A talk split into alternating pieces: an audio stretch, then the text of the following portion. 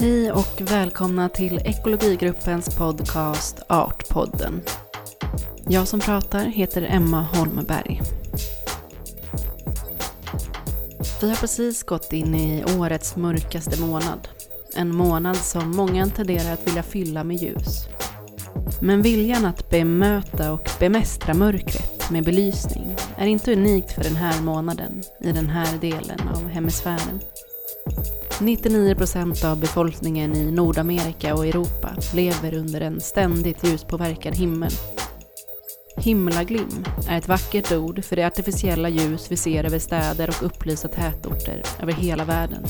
Ljus som gör stjärnhimlen grumlig och svår att urskilja från vår position på jorden. Vårt upplysta jordklot kan numera ses som en tydlig symbol för att vi befinner oss i människans epok, antropocen. En epok där fler och fler arter slås ut till följd av mänsklig aktivitet som resulterar i planetens sjätte massutdöende. För i antropocen härskar människan och människan är en dagsvarelse. Här ges allt mindre plats för mörker och mörkrets invånare. Vi kommer därför att i två poddavsnitt framöver uppmärksamma några av dessa nattaktiva varelser och försöka förstå hur vi tyst men synligt sprider ljus omkring oss på bekostnad av andra livsformers behov av mörker. Dagens avsnitt kommer att handla om den mest mytomspunna artgruppen vars huvudsakliga liv utspelas under dygnets mörka timmar.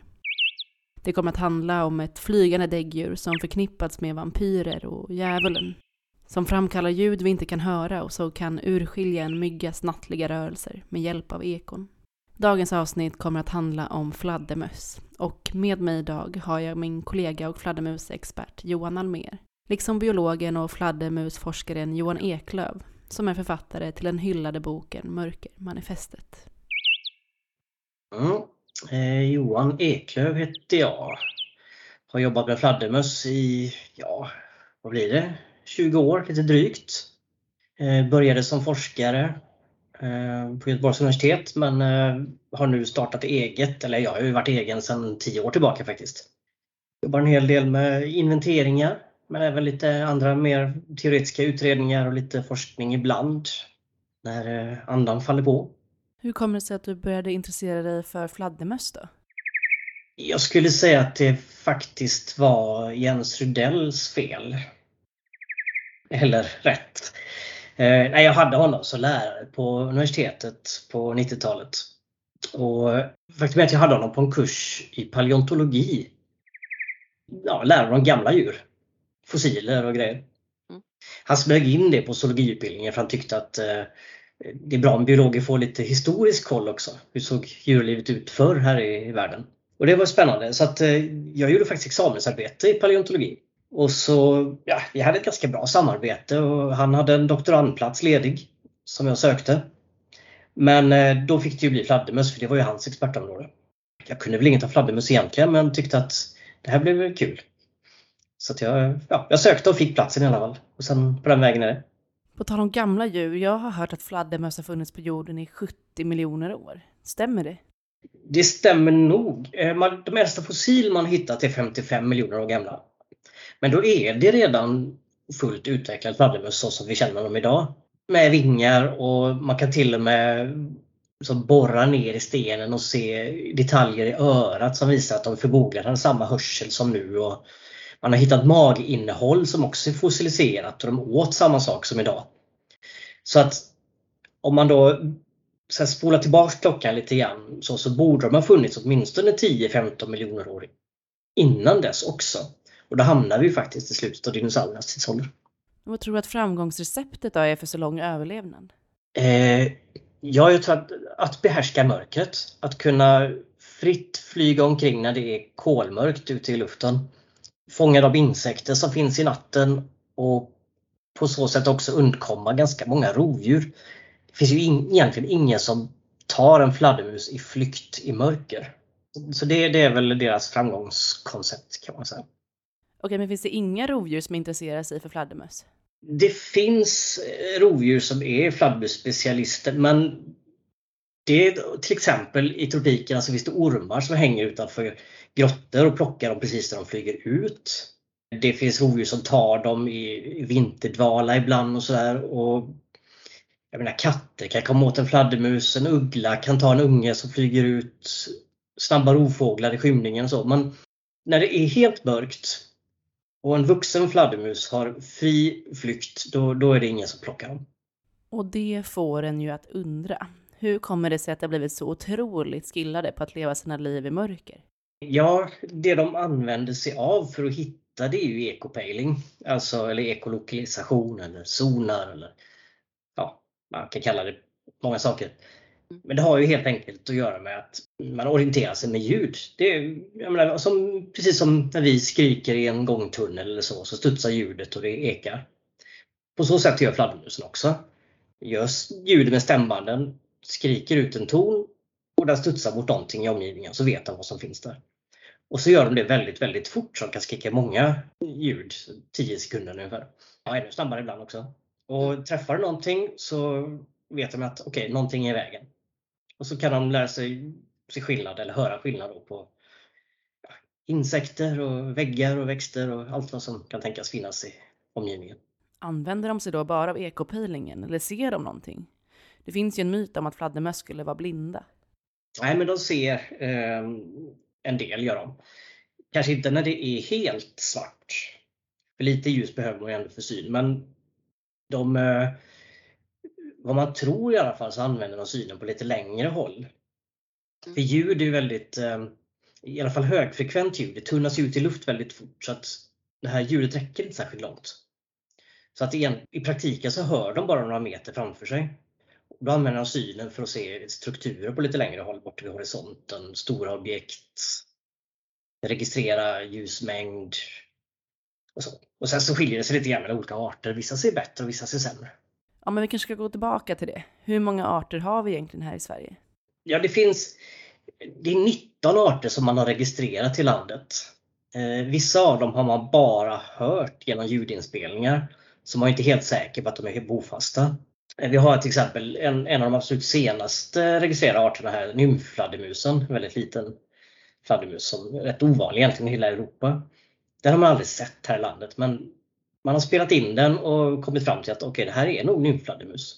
Men är den bara på tillfälligt besök? Eh, eller är den vanligare än vi tror? Eller, ja, det vet vi inte. Mm. Och det finns ett par sådana arter.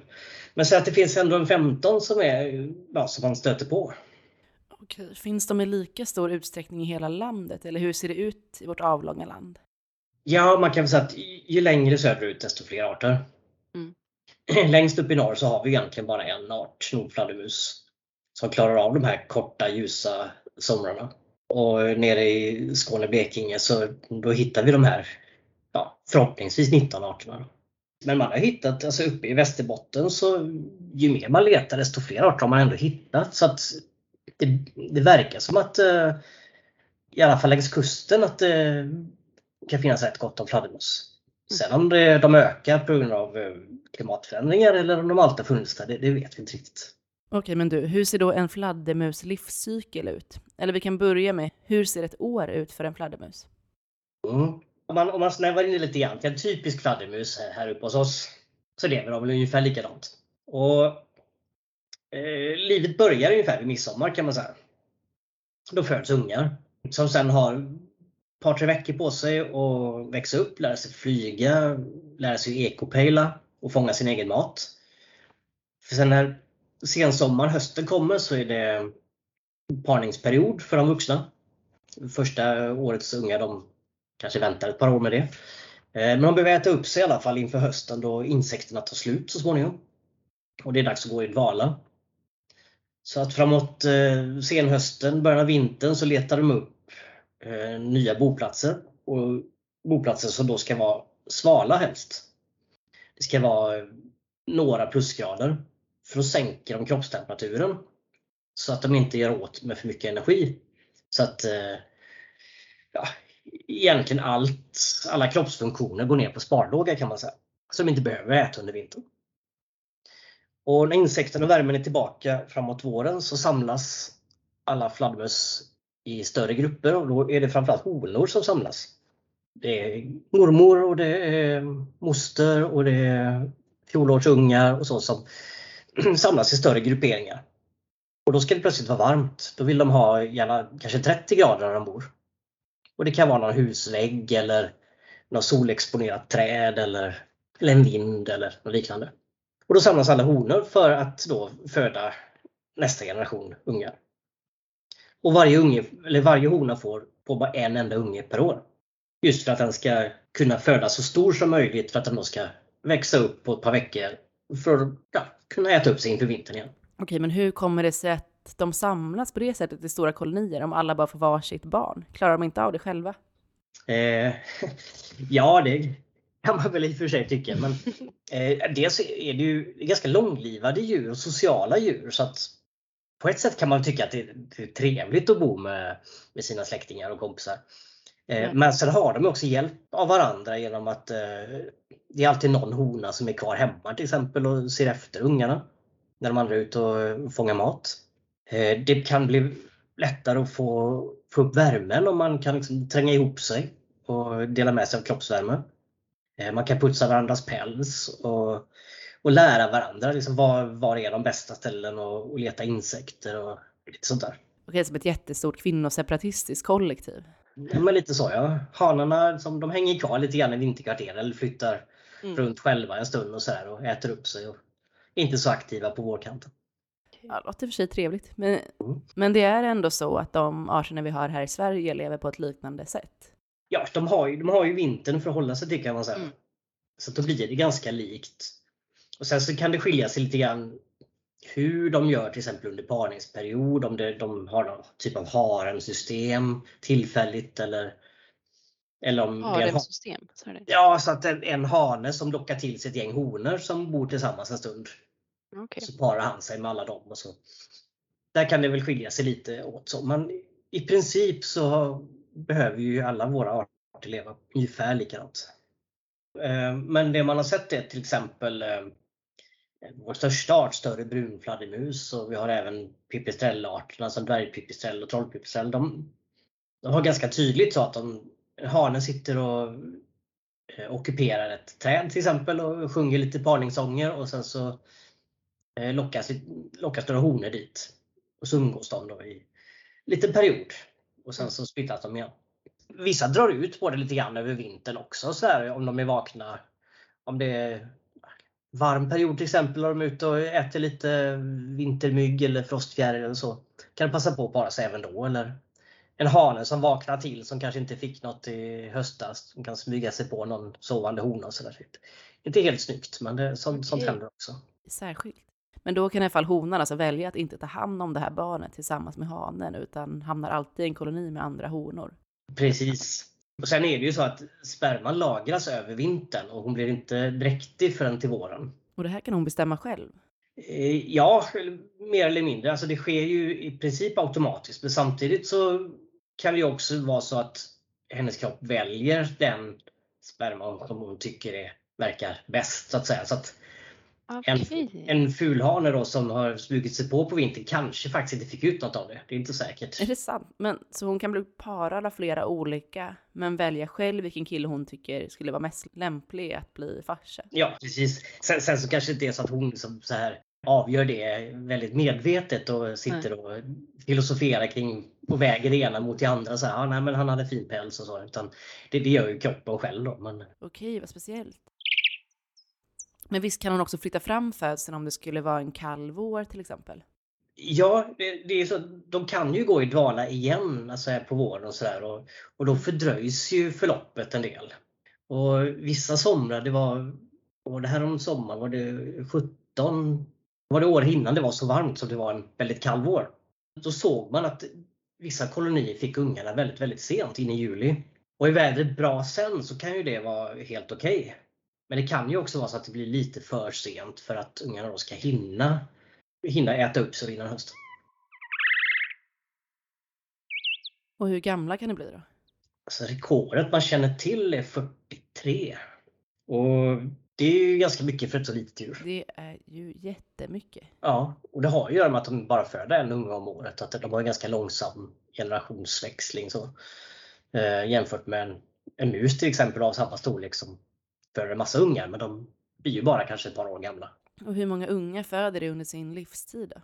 Svårt att säga men de äldsta man har hittat som har blivit så här 40 år, de har fortfarande varit fullt eh, funktionsdugliga så att de har kunnat bli dräktiga. Så att de kan nog få 30-40 ungar om de blir så gamla.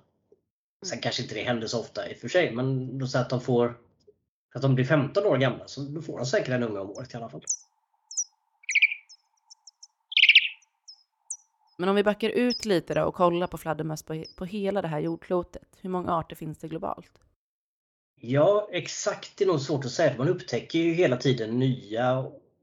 Eh, dels för att man eh, hittar dem i djup djungel någonstans eller för att man helt enkelt med DNA-teknik kommer fram till att ja, men det här som vi trodde var en art, det var nog två eller tre kanske till och med. Mm. Men ungefär 1400. Nästan en fjärdedel, i alla fall mer än en femtedel av alla däggdjursarter. Så att man tänker ju gärna fladdermus som fladdermus men det är en oerhört eh, divers grupp. Okej, så alla fladdermöss ser inte ut som de vi har här? Nej, även om man, nu, man skulle känna igen dem som en fladdermus, det skulle man göra. Men eh, det finns många olika varianter. Men om man skulle dela in dem i olika familjer då? För det antar jag att man gör. Hur många familjer snackar vi om då? Ja, jag, jag tror man brukar räkna till ungefär 20 fladdermusfamiljer. Eh, man kan se lite olika siffror beroende på hur man slår ihop. Eh, och I Sverige så har vi en, eller då tillhör alla arterna en och samma familj. En familj okay. som man kallar för läderlappar. Läderlapp är ett gammalt svenskt ord för fladdermus. Det var därför läderlappen hette just läderlappen också. Snyggt. Eh, och sen har vi ju en ganska stor familj i Sydamerika, bladnäsor. Och sen har vi ju en familj som är lite udda som man kallar för flyghundar. Ja, och det är de stora va? Precis, de skiljer sig ganska markant från alla andra fladdermus egentligen. Det ser nästan ut som apor med fladdermusvingar. Ja, och faktum är att det finns, eller fanns i alla fall en teori om att de var närmare släkt med oss primater än övriga fladdermöss, att det kom därifrån. Men numera så ser man dem som en familj bland de andra i fladdermusträdet. Mm. Jag har hört om en familj som kallas för äkta vampyrer. Vad mm. är det? Ja, eh, vampyr är egentligen en, det är tre arter som man brukar kalla för vampyrfladdermöss. Mm. Och ibland så sätter man dem som en egen familj och ibland så har man dem som en undergrupp till bladnäsorna. Men eh, de har ju den egenheten att de, de dricker ju blod helt enkelt. De lever bara av blod. Det är därför man kallar dem för vampyrer. Okej, så det är det är helt enkelt ganska rimligt att fladdermöss finns med i många skräckfilmer och kopplas samman med vampyrer, djävulen och allt som är läskigt och hör mörkret till. Ja, nej, idag när vi faktiskt känner till att det finns vampyrfladdermöss så, så är det oerhört rimligt. Mm. Men den här skräckbilden fladdermöss den, den, är ju äldre än så också har ju en del att göra med just mörkret framförallt. Att man vet inte riktigt vad det är som kommer flygande och sådär. Nej, jag vet inte, när jag tittade i din bok där om fladdermöss från 2015, då kände jag också att det är fullt rimligt att vara rädd för de här djuren. De ser ju rätt så otäcka ut. Ja, eller nej, eller nej. det, det, det, finns, eh, det finns en del ganska fina fladdermöss, men så finns det också en del som är riktigt fula, det får man ju faktiskt hålla med om. Men det finns ju anledning till det. Vad är anledningen till att det är riktigt fula då menar du? Ja, alltså det vi tycker ser märkligt ut ofta är ju deras ansikten. Det kan vara skrynkligt och det kan vara utskott på näsor och märkliga öron och sådär. Och det har ju helt enkelt att göra med att de lever i en ljudvärld, att de, de orienterar med ljud. Så att hela ansiktet är ju mer eller mindre en ljudsändare och en ljudmottagare. Precis, och här blir det så himla tydligt hur extremt olika vi däggdjur kan vara. Och det får mig att undra om det överhuvudtaget går att jämföra hur jag själv och en fladdermus uppfattar världen. Nej, det där är en gammal filosofisk fråga. Det finns faktiskt en gammal artikel från 70-talet som hette något i stil med What it's like to be a bat. En filosof som hette Thomas Nagel som funderar just på det här med att hur ska vi kunna här, beskriva ett sinne och upplevelser som vi själva inte har. Det går liksom aldrig att sätta sig in i, i det. Och det gäller ju egentligen många djur som, har, som ser färger som inte vi gör eller som hör saker vi inte gör och så vidare. Så att, nej, det, är oerhört svårt att förstå det. Vilket är en del av fascinationen för dem också. Ja, Thomas Nagel hävdade i ett väluppmärksammat paper år 1974 att även om en människa kanske kan föreställa sig hur det är att vara en fladdermus genom att ta sig an fladdermusens synvinkel, så att säga, skulle det fortfarande vara omöjligt att veta hur det är för en fladdermus att vara en fladdermus. Jag kan föreställa mig hur det är att vara en människa som låtsas vara en fladdermus. Jag kan sätta på mig vingar och låtsas flyga runt i mörker och utifrån mitt ljudspektra ta in ljud och på så sätt få en mänsklig upplevelse av hur det är att vara en fladdermus. Men jag har ingen aning om hur det är att vara en fladdermus som upplever hur det är att vara en fladdermus. Det finns helt enkelt fakta som bara kan kännas till genom att upplevas från ett särskilt subjektivt perspektiv. Och det var det som var Thomas Nagels point. Så vi kommer inte att förstå hur det är att vara en fladdermus idag, men vi kan till exempel ta reda på var fladdermöss lever någonstans och varför de föredrar just de miljöerna. Man kan säga att ett klassiskt gammalt kulturlandskap är, är gynnsamt för fladdermöss. Med ängsmark, lövskog, gamla byggnader där de kan bo, vatten. Alltså ett landskap som, ja, som vi tycker är ganska trevliga själva. Det gillar fladdermössen också. Och vad är det för typ av byggnader de dras till då? Det beror lite på vilken art vi pratar om. Men en rymlig vind till exempel, ett stall. Där hittar vi säkert eh, långöra. Eh, I väggarna så kanske det sitter nordfladdermus eller någon biotisart eller något sånt där. Så att de, de väljer lite olika platser. Men egentligen alla gamla, gamla hus som man kommer in i eh, är ju bra för fladdermus. Hur är det med kyrkor? Det är en klassisk fladdermusplats kan man säga. Jag har också ja. den här långöra som, som trivs på kyrkvindar framförallt. Dels för att det är rymligt, de kan flyga omkring där inne och äta även om det är dåligt väder utomhus. Man ser en kyrkvind som har gott om flugor, där det bor säkert inga fladdermöss. Men är det ont om flugor då, då har långöra varit där och ätit upp dem. Okay. Och sen har ju kyrkorna stått ganska Alltså de har sett ungefär likadana ut i många hundra år ofta. Det är nära till maten på kyrkogårdarna och ganska ostörd miljö. Så. Jens då, som jag doktorerade för och som jag sedan har samarbetat med i många år också. Han, när han var doktorand på 80-talet så letade han efter fladdermuskolonier i ljuskyrkor. Så han hade ganska mycket data från 80-talet. Eh, det här handlar framförallt om kyrkor runt om i Västergötland. Och då gjorde vi helt enkelt om de besöken och kollade vilka finns kvar. Och det vi hittade var att i alla kyrkor som fortfarande står, som ser likadana ut, som är obelysta framförallt, då, där fanns kolonierna kvar efter 30 år. Men i alla kyrkor som har fått fasadbelysning, där, det var det sämre med. Där var det inte alls många kolonier kvar överhuvudtaget. Och det var lite så vi kom in på det här med ljusföroreningar och började titta lite mer på det och så. Ja, för vad är det egentligen som händer när en fladdermuskoloni utsätts för ljus? Varför är det så problematiskt? Alltså i deras värld så är ju ljuset, då, då, det är ju dagtid. Och då riskerar de att bli tagna av rovfåglar. Mm. För då har de inte det här övertaget längre med mörkret. Rovfåglarna förlitar sig ganska mycket på syn, och, eller väldigt mycket på syn till och med. Och kan då mycket lättare ta en fladdermus. Så att fladdermusen väntar helt enkelt in mörkret. Tills de vet att det är säkert att flyga ut. Och kommer aldrig mörkret, då kan de faktiskt vänta tills de helt enkelt svälter ihjäl mer eller mindre. Och det är särskilt känsligt då när det är yngelkolonier, alltså platser där fladdermössen har sina ungar. Och hur är det med tillgången till föda när det är ljust för fladdermöss? Ja, alltså det där slår åt lite olika håll kan man säga. Om man, om man tittar på en gatlykta ute en mörk en augustikväll eller så, så ser man att det samlas ju rätt många insekter under den här gatlyktan. Det är som att de dras till lampan. Och det har ju med deras navigation att göra, att de förhåller sig till månen eller stjärnor och sånt där. Och så kommer de till en ljuskälla som i deras värld då inte bör finnas utan den är mycket närmare än vad den borde vara. Och då fastnar de liksom där under. Och det här blir ju som ett, för vissa fladdermöss blir det som ett dukat bord. Eh, några arter som till exempel nordfladdermus eller dvärgpipistrell kan cirkulera ovanför gatlyktan och så dyker de ner och så plockar de insekter som har samlats där. Vilket ju kan vara till en fördel. Eh, Medan andra arter som brunlångöra alltså som vi pratade om som är rätt så ljusskygg. De flyger lite långsammare och äter oftast närmare växtlighet och sådär. Så den är mer utsatt. De vågar inte äta på det här sättet. Så att då slår det ju lite olika rent ekologiskt. Och på lång sikt så utarmas ju insektsfaunan.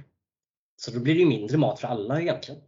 Okej, ja, men då är det ju tydligt att just ljusföroreningar utgör ett hot gentemot fladdermössen. Antingen direkt eller indirekt, eller både och. Men hur allvarligt är det här? Är fladdermössen på väg att ta ut eller hur går det för bestånden i Sverige? Ja, det finns ganska få långtidsstudier egentligen som visar på hur det går för fladdermössen.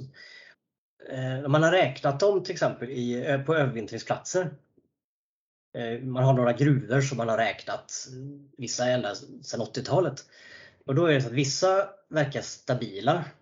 Enstaka arter kanske till och med ökar och några minskar. Men det är oerhört svårt att säga. Sen finns det några andra studier som visar att vår vanligaste art, nordfladdermusen, att den har minskat med 50-60% över tre decennier. Och brunlångöra, som vi bor i kyrkor och utsätts av ljus på det sättet, att de just därför har minskat också med rätt mycket över de senaste decennierna. Så det går åt lite, det finns lite olika bud på hur, hur det går. Vissa verkar breda ut sig, vissa verkar minska och andra är stabila. Men på det stora hela så vet vi fortfarande lite för lite. Okej, men vet vi något om vad som är orsaken till deras minskning? Vad det finns för hot? Alltså ljusföreningen när det gäller brunlångöra, men utöver det? Ja, precis. Det, det, det, är ett ganska konkret exempel på att den drabbas på det sättet. Mm. Eh, vad gäller nordfladdermus så finns det väl lite teorier kring att den gynnades ganska mycket av när det fanns kvicksilverlampor och kunde äta insekter. När insekterna samlades väldigt mycket kring dem. Att den hade någon sorts topp där. Och att när vi har bytt om lamporna så går det sämre. Men det kan också bero på att det blir varmare. Att en art som är anpassad till nordligt klimat konkurreras ut helt enkelt. Sen har nog skogsbruket en stor del i detta.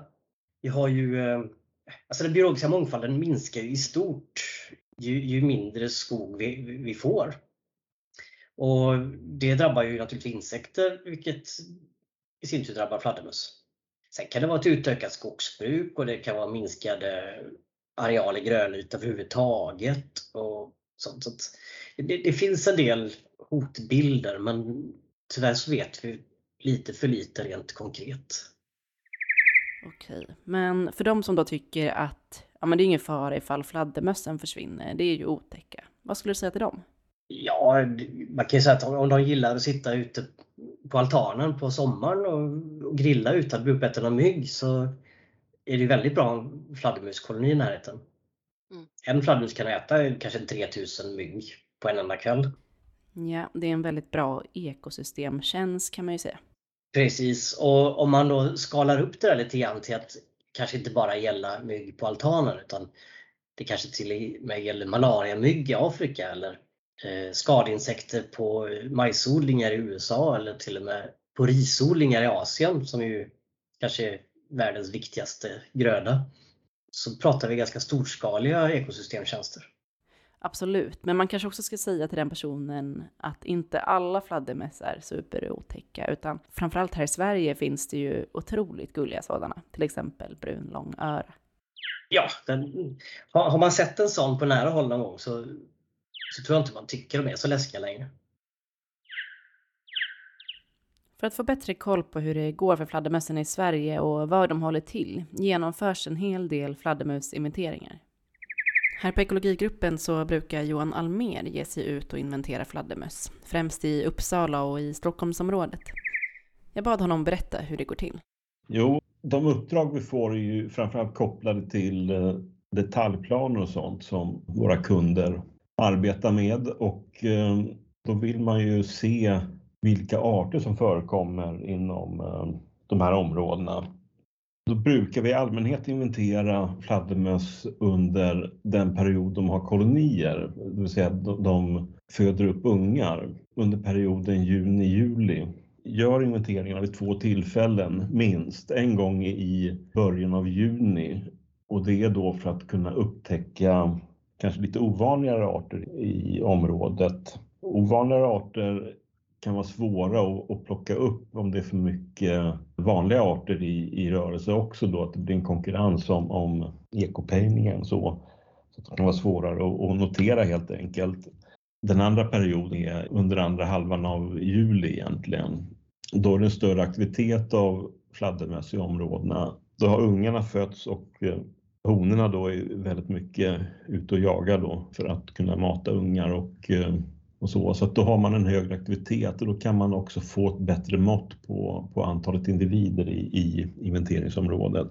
Och även under den andra perioden så använder vi ju såklart oss av de här autoboxarna. Ja, för att inventera fladdermöss som är nattaktiva och ljusskygga och därmed svåra för oss människor att urskilja i mörkret så använder vi oss av så kallade autoboxar för att istället fånga upp deras högfrekventa ljud. Och eftersom människans hörselområde brukar anges ligga någonstans mellan frekvenserna 20 och 20 000 Hz kan vi normalt inte höra fladdermössens ljud som ligger inom ultraljudspektrat.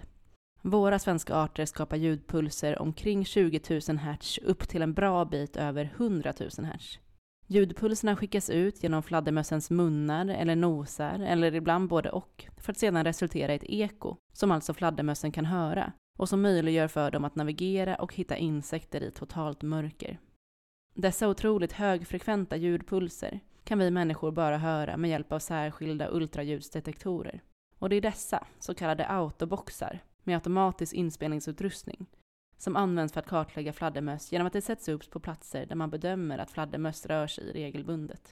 Och de får hänga ute ett par nätter och spelar automatiskt in alla ljud inom ett visst eh, frekvensområde då. Och framförallt så är det då de här högfrekventa ljuden som kommer med så att det är egentligen utom eh, hörhåll för, för människor. Så de, de spelar inte in och till exempel om folk går förbi och pratar så får man inte med de ljuden utan det här är bara ultraljud då. Eller ja, hög, högfrekventa ljud. Ett exempel på en högfrekvent ljudpuls som en vanlig svensk fladdermusart producerar, dvärgpipistrell, kommer här. Inspelat i en autobox och sedan nedsaktat tio gånger.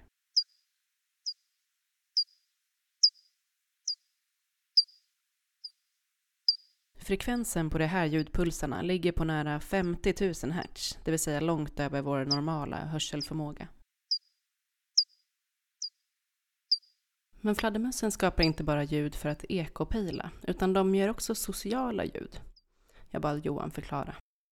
Ja, det är kontaktbetonat på något sätt. Det är ett sätt mer kanske att kommunicera med andra individer på något sätt. Medan ekopejlingen är ett sätt att antingen söka föda eller att eh, alltså förflytta sig, navigera i landskapet.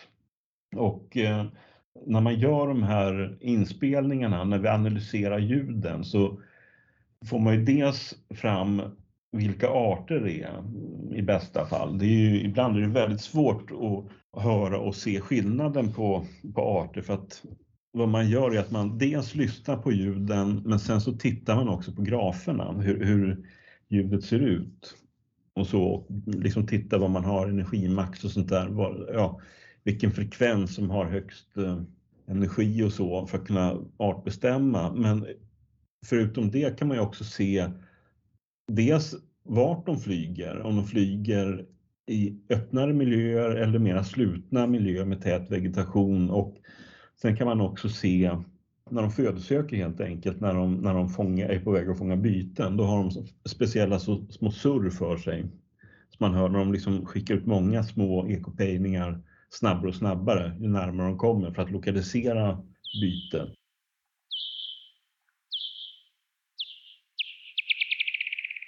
Och ibland är det faktiskt lättare att se vad fladdermössen har för sig än vad det är för någon art. Vissa, vissa arter är väldigt svåra att skilja åt. Men att man kan läsa ut mer än bara vilken art det är. Man kan få indikationer på ja, dels var de rör sig i, liksom vilken typ av landskap vad det gäller öppenhet och så och även då om de jagar aktivt, att de är på väg att fånga insekter och sånt. Och sen har man även de här sociala lätena som avviker väldigt mycket och för många arter så ligger ju de betydligt lägre i frekvens eh, än, än vad de här ekopejlingarna gör. Andra upprepningar helt enkelt, så att det, de är väldigt karaktäristiska jag tänker att vi kan lyssna på ett exempel. Här brunlångöra.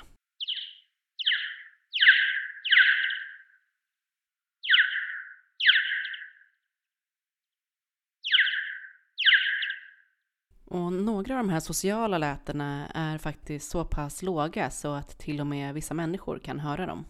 Ja, det finns väl framförallt eh, gråskimlig fladdermus sägs det att man kan höra. Alltså jag hör dem inte längre, men eh, jag har hört dem en gång tidigare. Men de, under hösten här så när de håller på, eh, ofta inne i städer och sånt där så, så kan de flyga rätt så aktivt och, och, det är tydligen någonting man ska kunna höra. Jag har inte hört dem som sagt på länge eh, och har för dålig hörsel.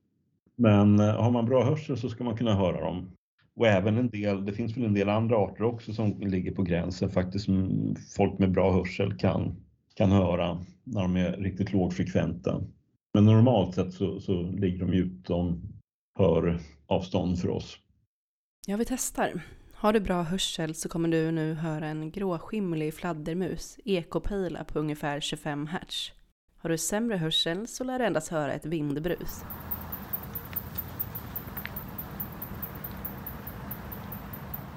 För er som inte hörde den gråskimliga fladdermusen nyss kommer här en nedsaktad version.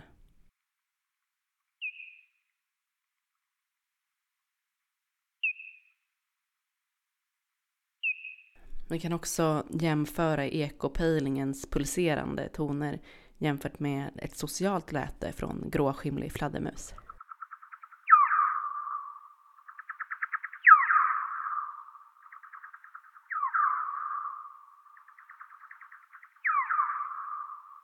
Men det här med att man kunde tolka in ifall de flög över öppna ytor eller med skogslandskap. Hur i hela friden kan man tolka in det?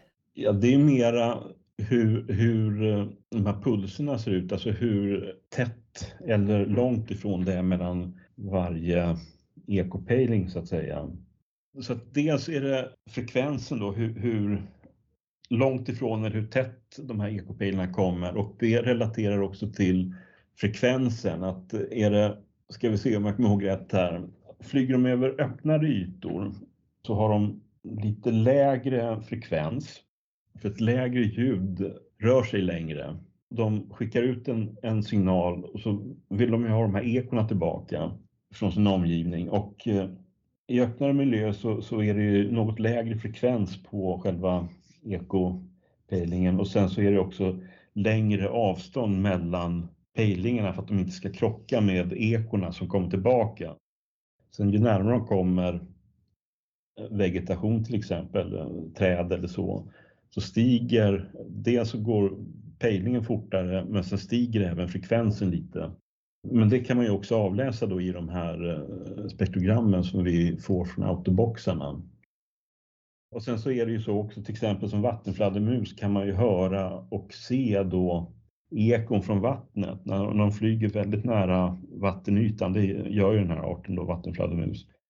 Då kan man se och även höra faktiskt de här ekorna som kommer direkt från vattnet väldigt snabbt. Och det kan ju vara likadant med arter som flyger väldigt nära täta lövverk och sånt där, att man får ekon och sånt som skvallrar om det. Medan när de flyger i öppnare miljöer så har du inte lika mycket ekon i, i de här eh, ljuden. Och det är både alltså säga, visuellt och när man tittar på graferna och eh, hörbart många gånger. Så att man kan utläsa rätt så mycket faktiskt från inspelade ljud. Men man kan inte utläsa antalet individer, tyvärr. Men det är ändå väldigt coolt hur vi har lyckats på något sätt tolka fladdermössens, deras sjätte sinne till någonting anpassningsbart till våra fem sinnen. Ja, jo, men det, det är väldigt fascinerande. Det, det tycker jag nästan är, är det roligaste är att vara ute och titta på dem och lyssna efter dem i fält. Men när man sitter på kontoret och lyssnar på ljuden så är, är det kanske roligare just det här att lära sig och, och förstå mera om hur de rör sig i, i landskapet just att kunna utläsa det från de här eh, spektrogrammen och så. Nej, det är spännande, en fascinerande värld.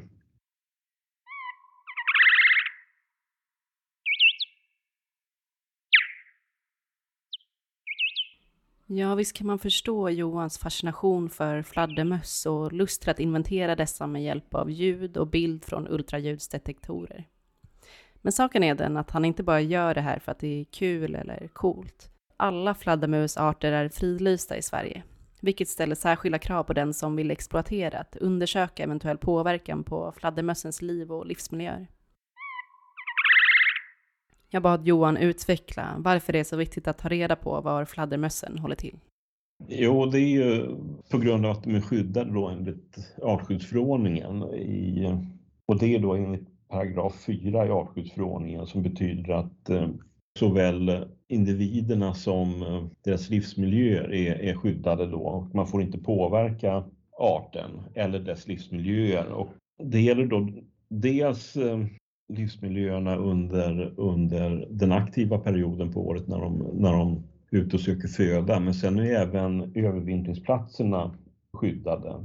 Eh, och det är ju för att eh, speciellt då kolonierna är ju, är ju väldigt starkt skyddade just för att de är, det är barnkammaren, det är ju där säga, populationerna utvecklas och, och, på något sätt bibehålls. Så att eh, det är jätteviktigt att de får vara kvar. Och speciellt då när det rör sig om miljöer eller substrat som är, är väldigt ovanliga i landskapet idag, som gamla träd, ihåliga träd det behöver inte alltid vara jätteträd och sånt där om man tänker sig stora jätteekar som är ihåliga utan det kan ju vara mindre träd också. Men just hålträd det är ju någonting som eh, blir ovanligare och ovanligare i landskapet och även då byggnader som är lämpliga för, för de arter som bildar koloni där så blir det ovanligare.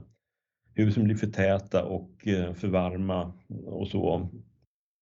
På sikt så medför det minskade möjligheter för arten eller arterna att eh, fortleva och det är ju det det här artskyddet eh, är till för att motverka. De ska kunna fortsätta ha starka populationer och finnas kvar i, i landskapet. Men är det det som är det stora problemet, att människan breder ut sig och tar ner träd och byggnader och bygger nytt på marker där där fladdermöss vistas? Eller vad finns det mer för problem?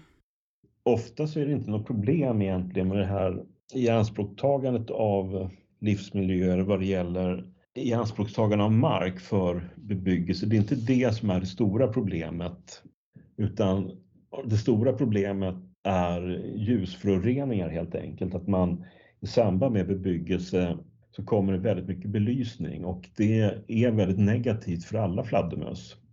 Även om vissa arter kortsiktigt utnyttjar det som nordfladdermus och dvärgpipistrell då de kan man se jaga över eh, gatubelysning och sånt, men de undviker hela tiden att flyga i ljuset utan de dyker oftast ner där insekterna är och sen åker de upp igen i, lite mörkare eh, delar ovanför belysningen eller under men att de undviker starkt att uppehålla sig längre tid i belysningen. Och för andra arter som till exempel brunlångör och eh, fransfladdermus och även eh, ett litet artkomplex som, som kallas för taiga mustaschfladdermus. Det är två närstående arter som inte går att skilja på egentligen så att man behandlar dem kollektivt då. Men de arterna är väldigt känsliga för ljus överhuvudtaget så att de undviker helt eh, områden med, eh, med belysning. Och förutom då att arterna, eller vissa arter är direkt eh, ljusskygga och skyr upplysta områden så blir det också en ökad eh, konkurrensskiftning vad det gäller tillgång till föda. För att insekter vet man ju, de drar sig till ljus och eh, gatlyktor och sådana saker. Så att i ett område som förut var mörkt och kanske hade en jämnare spridning på, på förekomsten av insekter då, där kommer insekterna att dra sig mer till de upplysta områdena, vilket gör att de här dominerande arterna som nordfladdermus och dvärgpipistrell kommer ha lättare att söka föda och hitta lättare föda än arter som är direkt ljusskygga då, som till exempel tiger mustaschfladdermus. Så att eh, där blir det en stora påverkan många gånger att du får i och med den här att man introducerar belysning på fel ställen så, så minskar man möjligheterna till eh, jakt, i alla fall för vissa arter. Kortsiktigt och, och på lång sikt så är ja, all belysning egentligen negativ för alla fladdermusarter och även för natt, nattlevande organismer i allmänhet. Så är det ett stort problem. Men sen är det också det att när man till exempel i ett grönområde som man bevarar så kanske man vill dra en cykelväg och då har man gärna belysning som ska göra att det blir en trygg miljö för folk som passerar där och det blir då barriärer för många arter. Att de, liksom, de skär av jaktmiljöerna. Det kan vara så att resten av områdena är mörka men när det går en, en upplyst eh, gångstråk genom det här eh, födosöksområdet så, så kan de inte röra sig genom hela, det blir som en typ av barriär för dem då. Speciellt om det ligger upplyst bebyggelse runt omkring. Så att det är väldigt viktigt hur man utformar belysning i, i samband med sådana här eh, planer. Och vet du vad? Det är det vi ska prata om i ett webbinarie i januari. Ja, den 27 januari flyttar Artpodden över till ett webbinarieformat där jag kommer leda ett samtal med Johan och Johan som ni har hört här idag. Men också med mina kollegor Ulrika och Elinor som ska berätta mer om hur det går att anpassa belysning och planera för minsta möjliga negativa effekt på nattaktiva djur. Innan dess kommer vi att dyka ännu djupare in i mörkret då Johan Eklöf är tillbaka redan i nästa avsnitt av Artpodden. Då med fokus på bristen på naturligt mörker och varför ljusföroreningar utgör ett hot mot den biologiska mångfalden. Tack för att ni har lyssnat. Vi hörs snart igen. Thank you